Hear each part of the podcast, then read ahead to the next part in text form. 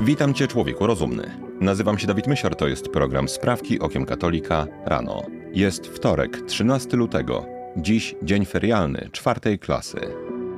Wszystkie sprawy nasze prosimy Cię, Panie, natchnieniem Twoim uprzedzaj, a pomocą wspieraj, aby wszelka modlitwa i praca nasza od Ciebie się poczynała i przez Ciebie się kończyła. Przez Chrystusa, Pana naszego.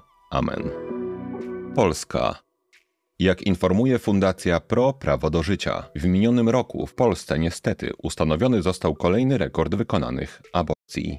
Dane przedstawione przez fundację nie dotyczą jednak całego kraju, a niechlubnego, słynącego z mordowania nienarodzonych dzieci powiatowego zespołu szpitali w Oleśnicy. Zgodnie z informacją uzyskaną przez fundację w trybie dostępu do informacji publicznej, w minionym roku w szpitalu w Oleśnicy pozbawiono życia 144 dzieci, co stanowi liczbę prawie dwukrotnie wyższą niż w roku 2022. Z tej liczby aż 139, czyli blisko 97% przypadków, dotyczyło ustawowo nieistniejącej, ale zaaprobowanej przez tzw. Tak ekspertów przesłanki tzw. Tak zagrożenia zdrowia psychicznego matki. Założyciel fundacji, pan Mariusz Dzierżawski, skomentował działania szpitala w sposób następujący. Opisy tego, co dzieje się w szpitalu w Oleśnicy, przypominają tortury lub eksperymenty pseudomedyczne wykonywane na więźniach obozów koncentracyjnych. Ten horror dokonuje się na naszych oczach. Watykan oraz Indie.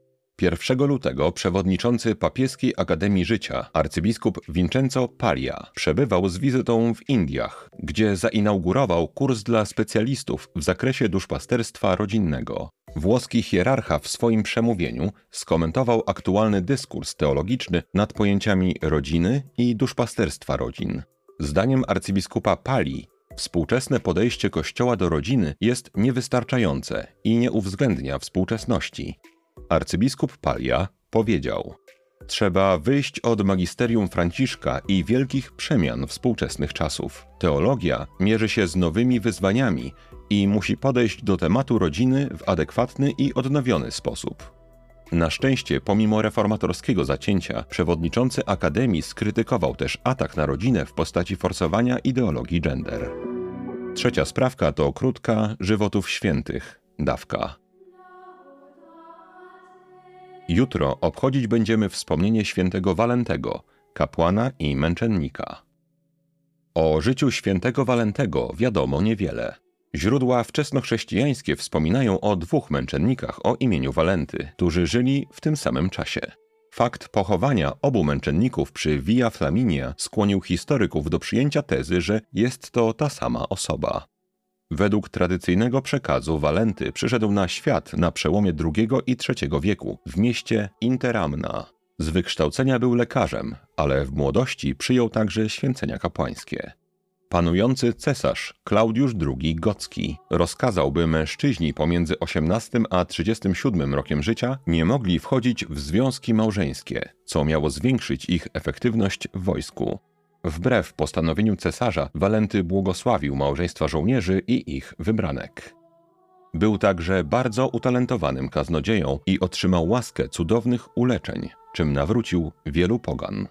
Ze względu na swoją działalność Walenty został pojmany przez cesarskie wojsko i usiłowano wymusić na nim wyparcie się wiary. Gdy święty odmówił, cesarz nakazał żołnierzom pobicie świętego Walentego kijem na śmierć. To nie przyniosło jednak śmierci świętego, więc skazano go na ścięcie. Wyrok został wykonany 14 lutego 269 roku. Święty Walenty jest patronem chorych na epilepsję.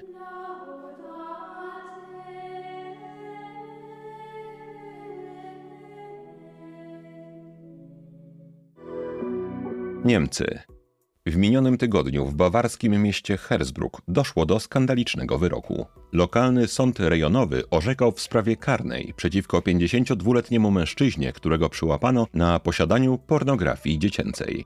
Niemiecka prokuratura zażądała ukarania mężczyzny więzieniem z uwagi na fakt, że posiadał on materiały pedofilskie na wielu urządzeniach, z czego wynika, że nie znalazły się tam one przypadkowo. Przestępca stwierdził jednak, że jest tak zwaną osobą transpłciową. Przyznał się do winy i powiedział, że jest mu naprawdę przykro. Sąd postanowił natomiast bez uwagi na okoliczności zastosować nadzwyczajne złagodzenie kary, skazując mężczyznę, który uznał, że jest kobietą, na rok i dwa miesiące więzienia w zawieszeniu. Belgia i cała Unia Europejska. W minionym tygodniu Komisja Europejska zaprezentowała najnowsze plany dotyczące długoterminowej polityki klimatycznej. Według nowej strategii opublikowanej na stronach internetowych instytucji unijnych, Komisja zamierza zaktualizować swoje cele redukcyjne emisji gazów cieplarnianych. Zdaniem unijnych urzędników do roku 2040 państwa członkowskie Unii Europejskiej powinny osiągnąć redukcję emisji gazów cieplarnianych o 90% względem roku 1990. W komunikacie Komisji Europejskiej czytamy: Wyznaczenie celu klimatycznego na 2040 rok pomoże europejskiemu przemysłowi, inwestorom, obywatelom i rządom w podjęciu w tym dziesięcioleciu decyzji, które pozwolą Unii Europejskiej osiągnąć cel neutralności klimatycznej do roku 2050. Jednocześnie w odpowiedzi na masowe protesty rolników, zatroskani o przyszłość planety eurokraci, zdecydowali o wycofaniu się z niektórych klimatystycznych planów dotyczących rolnictwa. Stany Zjednoczone. Jak donosi portal LifeSite News, organizacje katolickie oraz fundacje obrońców życia wezwały amerykański kongres do wyjaśnienia głośnej sprawy zabójstwa piątki dzieci, które zakwalifikowano jako tak zwaną późną aborcję. Do zdarzenia doszło ponad dwa lata temu w stolicy Stanów Zjednoczonych, Waszyngtonie.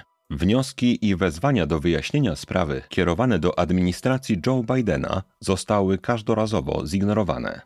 W sprawę zaangażował się republikański senator pan Ted Cruz, który stwierdził, że w tej sprawie prawdopodobnie dojdzie do zniszczenia dowodów. Powiedział: Niestety, biuro lekarza sądowego w Waszyngtonie jest w posiadaniu szczątków dzieci, które padły ofiarą późnych aborcji.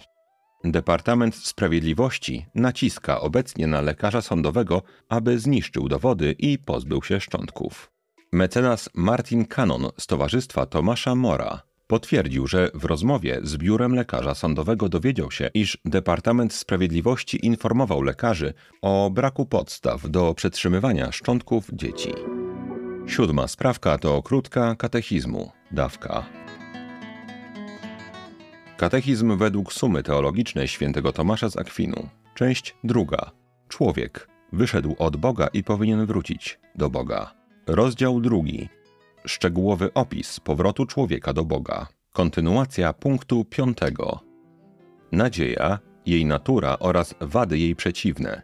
Zuchwalstwo i rozpacz. Formuła aktu nadziei oraz zdolni do takiego aktu.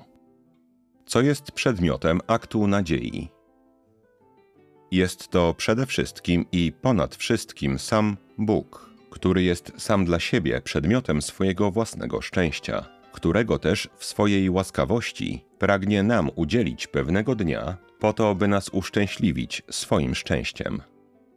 Czy co innego mogłoby być brane pod uwagę jako przedmiot cnoty nadziei? Tak, ponieważ jakiekolwiek prawdziwe dobro może być przedmiotem cnoty nadziei, pod warunkiem jednak, że jest ono podporządkowane temu pierwszemu i zasadniczemu przedmiotowi cnoty nadziei, którym jest sam Bóg jaka jest racja, na której może opierać się ta nadzieja. Racja, na której opiera się nadzieja, nie jest niczym innym niż to, że Bóg pomaga nam, czy to sam, czy przy pomocy swoich stworzeń, działając tak, by ułatwić nam pewnego dnia w niebie osiągnięcie Jego samego w charakterze naszej nagrody. Czy z nadziei, biorąc pod uwagę rację, na której się ona opiera, wynikają w sposób konieczny nasze cnotliwe i zasługujące uczynki, których dokonujemy pod wpływem działania Boga, pomagającego nam osiągnąć siebie samego, takim jakim pragnie się nam dać w swoim niebie. Tak, to właśnie z nadziei, biorąc pod uwagę rację, na której się ona opiera, wynikają w sposób konieczny nasze cnotliwe i zasługujące uczynki, których dokonujemy pod wpływem działania Boga, pomagającego nam osiągnąć siebie samego takim, jakim pragnie się nam dać w swoim niebie. Czy byłoby zatem grzechem przeciw nadziei liczyć na to, że pewnego dnia posiądzie się Boga, trwając w przekonaniu, iż jest to możliwe bez wysiłku, polegającego na przygotowaniu się do tego poprzez nadprzyrodzone, cnotliwe życie. Tak, byłoby to grzechem przeciwko nadziei. Jak nazywa się taki grzech? Nazywa się on zuchwalstwem. Czy tylko taki grzech można popełnić przeciwko cnocie nadziei? Nie, jest jeszcze inny grzech, który nazywa się rozpaczą. Na czym polega grzech rozpaczy? Polega on na tym, że z powodu tego wzniosłego dobra, którym jest posiadanie Boga takim, jakim jest, albo też z powodu pewnych trudności w nas lub wokół nas, powodujących problemy z praktykowaniem nadprzyrodzonego życia cnotą, obrażamy Boga, myśląc, że nigdy nie będziemy w stanie prowadzić takiego życia lub osiągnąć tego wzniosłego dobra. Rezygnujemy z wzywania Boga o pomoc i przestajemy liczyć na Niego, tak jakby Bóg już więcej miał nam nie pomagać, choć tak naprawdę nie ma ku temu powodów. Czy grzech rozpaczy jest grzechem szczególnie poważnym? Ten grzech jest w pewnym sensie najpoważniejszym ze wszystkich, gdyż czyni niemożliwym wszystkie wysiłki zmierzające do nadprzyrodzonego dobra i powoduje, że grzesznik w pewnym sensie sam siebie potępia. Czy człowiek zatem nigdy nie ma prawa do rozpaczy, bez względu na to, jak wielka byłaby jego nędza i słabości moralne? Nie, człowiek nigdy nie ma prawa do rozpaczy, gdyż miłosierdzie Boga i Jego moc nieskończenie przeważają nad tą nędzą i słabościami ludzkimi, bez względu na to, jak wielkie mogłyby one być. Co człowiek powinien robić, gdy widząc swoją nędzę i słabości, czuje się przytłoczony przez ich ciężar?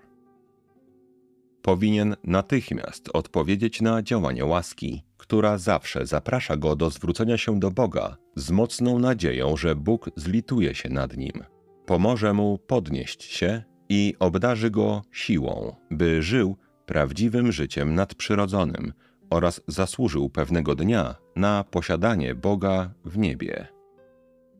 Jaka może być formuła aktu nadziei jako aktu cnoty teologalnej? Od tego miejsca zaczniemy jutro.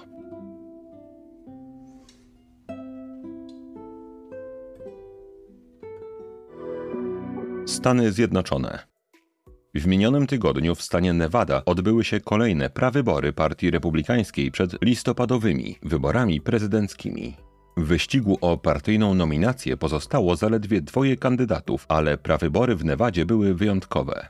Z uwagi na wewnętrzne konflikty wśród republikanów, zorganizowane zostały dwa prawyborcze spotkania.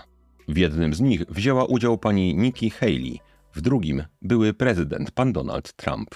Pomimo tego, że w trakcie pierwszego spotkania pani Haley była jedyną kandydatką, przegrała ona głosowanie. Opcja żaden z kandydatów uzyskał wynik 63%, podczas gdy pani Haley 30%.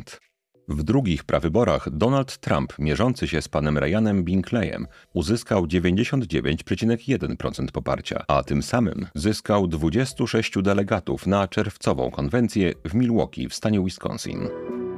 Polska. W miniony piątek w Sejmie procedowane były obywatelskie projekty ustaw zgłoszone w toku minionej kadencji. Wśród nich znalazł się projekt ustawy Stop LGBT, wymierzony w deprawację społeczeństwa odbywającą się na polskich ulicach w ramach tzw. Tak marszów równości. Podczas pierwszego czytania projektu ustawy dochodziło do notorycznego przeszkadzania przez marszałka Sejmu pana Szymona Hołownię, przewodniczącemu inicjatywy ustawodawczej panu Krzysztofowi Kasprzakowi. Marszałek wielokrotnie wyłączał mu mikrofon, a ostatecznie odebrał mu głos. Była to reakcja na prezentowane przez pana Kasprzaka najwyraźniej niewygodne dla pana Hołowni i jego środowiska informacje na temat przestępstw popełnianych przez środowiska LGBTQ i inne literki. W związku z tym zwróciliśmy się do pana Kasprzaka z prośbą o przybliżenie słuchaczom sprawek tej sytuacji. Rozmowa z panem Krzysztofem dziś zastąpi tradycyjną rozprawkę. Naszym gościem jest pan Krzysztof Kasprzak, członek zarządu Fundacji Życie i Rodzina. Niech będzie pochwalony Jezus Chrystus. Dzień dobry, panie Krzysztofie. Szczęść Boże, panie redaktorze, szczęść Boże wszystkim słuchaczom. Co takiego dzieje się w Polsce, że 300 tysięcy osób podpisało się pod projektem ustawy Stop LGBT? Dokładnie to 350 tysięcy y, Polaków podpisało się pod projektem ustawy Stop LGBT. Y, co takiego się dzieje? Dzieją się rzeczy dobre i złe. Złe to to, że lobby LGBT panoszy się coraz bardziej, propaganda LGBTowska wylewa się z każdego możliwego miejsca, mediów, popkultury, wdziera się do szkół, jest obecna na salach sądowych, jest obecna w, w stanowieniu prawa. I tutaj jasno trzeba podkreślić, że jest wycelowana szczególnie w młode osoby. Parady LGBT są wizytówką, sposobem naciskania na rządzących i opinię publiczną i wreszcie sposobem na rekrutację młodych osób. Dlatego tak wielu Polaków postanowiło powiedzieć dość i domagało się zakazu organizowania marszów równości. To zakładał właśnie projekt Stop LGBT. I to ta dobra rzecz oraz to to, że Polacy i nie tylko Polacy, bo też cały świat budzą się do walki oporu przeciwko lobby LGBT, budzą się do obrony swoich dzieci. Projekt Stop LGBT był najbardziej zwalczanym obywatelskim projektem w historii inicjatyw ustawodawczych, a pomimo tego udało się zebrać bardzo dużo podpisów i to w okresie lockdownów i praktycznego zamknięcia Polski. Czy może pan powiedzieć, o czym nie chciał słuchać marszałek Hołownia? Dlaczego przerywał pańską wypowiedź? Marszałek Hołownia nie chciał słuchać o zabijanych i gwałconych dzieciach przez działaczy LGBT. Musicie Państwo zrozumieć, że cała siła ruchu LGBT tkwi w fałszywie wykre wykreowanym wizerunku LGBTowca. Są oni przedstawiani jako wspaniali ludzie, empatyczni, wrażliwi i przedstawiani też jako ofiary wieloletnich prześladowań. To jest kłamstwo. Prawda jest bardzo często zgoła odmienna kiedy to kłamstwo zostanie obnażone, kłamstwo na temat y, tego, jak zachowują się działacze, konkretnie działacze ruchu LGBT, to ten ruch LGBT zostanie zmieciony z przestrzeni publicznej, dlatego że mało co tak rusza Polaków jak krzywda dzieci. Dlatego właśnie marszałek Hołownia próbował zrobić wszystko, aby ta prawda nie wybrzmiała. Najpierw cenzurował mnie, kiedy mówiłem o konkretnych przypadkach, a potem cenzurował mnie, kiedy próbowałem powiedzieć o badaniach, które pokazują na przykład dużą nadreprezentację pedofilii w środowisku LGBT. Zachęcam wszystkich do zapoznania się z publikacją Beaty Wieczorek Homoseksualizm, przegląd badań analiz. To ta książka, której pokazanie w Sejmie spowodowało kolejną falę wściekłości lewaków i marszałka Hołowni. Książka kompendium wiedzy opisującym szereg patologii i zagrożeń, jakie niesie ze sobą ruch LGBT. A proszę powiedzieć, jaki był stosunek do tego projektu ustawy poprzedniej władzy, czyli PiSu? Dlaczego według pana oni tak długo mrozili ten projekt? Władze PiSu żerują na elektoracie konserwatywnym, nie reprezentując go i nie reprezentując jego żywotnych, kluczowych interesów. Y, ograniczali się i dalej się niestety ograniczają do retoryki słownej zamiast działań. Mieli 8 lat, żeby rozwiązać problem panoszącego się zła wyrastającego ze środowiska LGBT. Nic z tym nie zrobili. Nawet jak dostawali gotowe rozwiązania w postaci stop LGBT poparte ogromną liczbą podpisów, woleli wrzucić do zamrażarki i chowali głowę w piasek. Tchórzliwa, kunktatorska polityka PiSu kosztowała ich utratę władzy, bo znaczna część konserwatywnego elektoratu została w domu albo przerzuciła głosy na inne partie. Panie Krzysztofie, bardzo dziękuję, że zechciał Pan być gościem słuchaczy Sprawek Okiem Katolika rano. Z Panem Bogiem. Dziękuję z Panem Bogiem. Maryjo, posłuż się mną dziś jak chcesz. Wykorzystaj mnie jak chcesz. Byle tylko choć jeden grzesznik zszedł z drogi zatracenia, poszedł do spowiedzi świętej i zwrócił się ku Panu Jezusowi. To na dzisiaj wszystkie sprawki okiem katolika rano. Jeżeli chcesz nam pomóc, daj proszę łapkę w górę pod tym filmem na YouTubie i napisz co najmniej pięciowyrazowy komentarz. Jeżeli chcesz wesprzeć zespół Sprawek Okiem Katolika regularnie na Patronite lub tutaj na YouTubie, albo jednorazowo przez wpłatę najmniejszej chociaż kwoty, to szczegóły jak można to zrobić znajdują się w opisie tego odcinka. Wszystkim bardzo dziękuję. Mój drogi słuchaczu, życzę Ci błogosławionego dnia. Święty Walenty, módl się za nami. Człowieku rozumny, trzymaj się, nie łam się i bardzo Ci dziękuję za Twój czas. Mam nadzieję, że do usłyszenia jutro. Zostań z Panem Bogiem.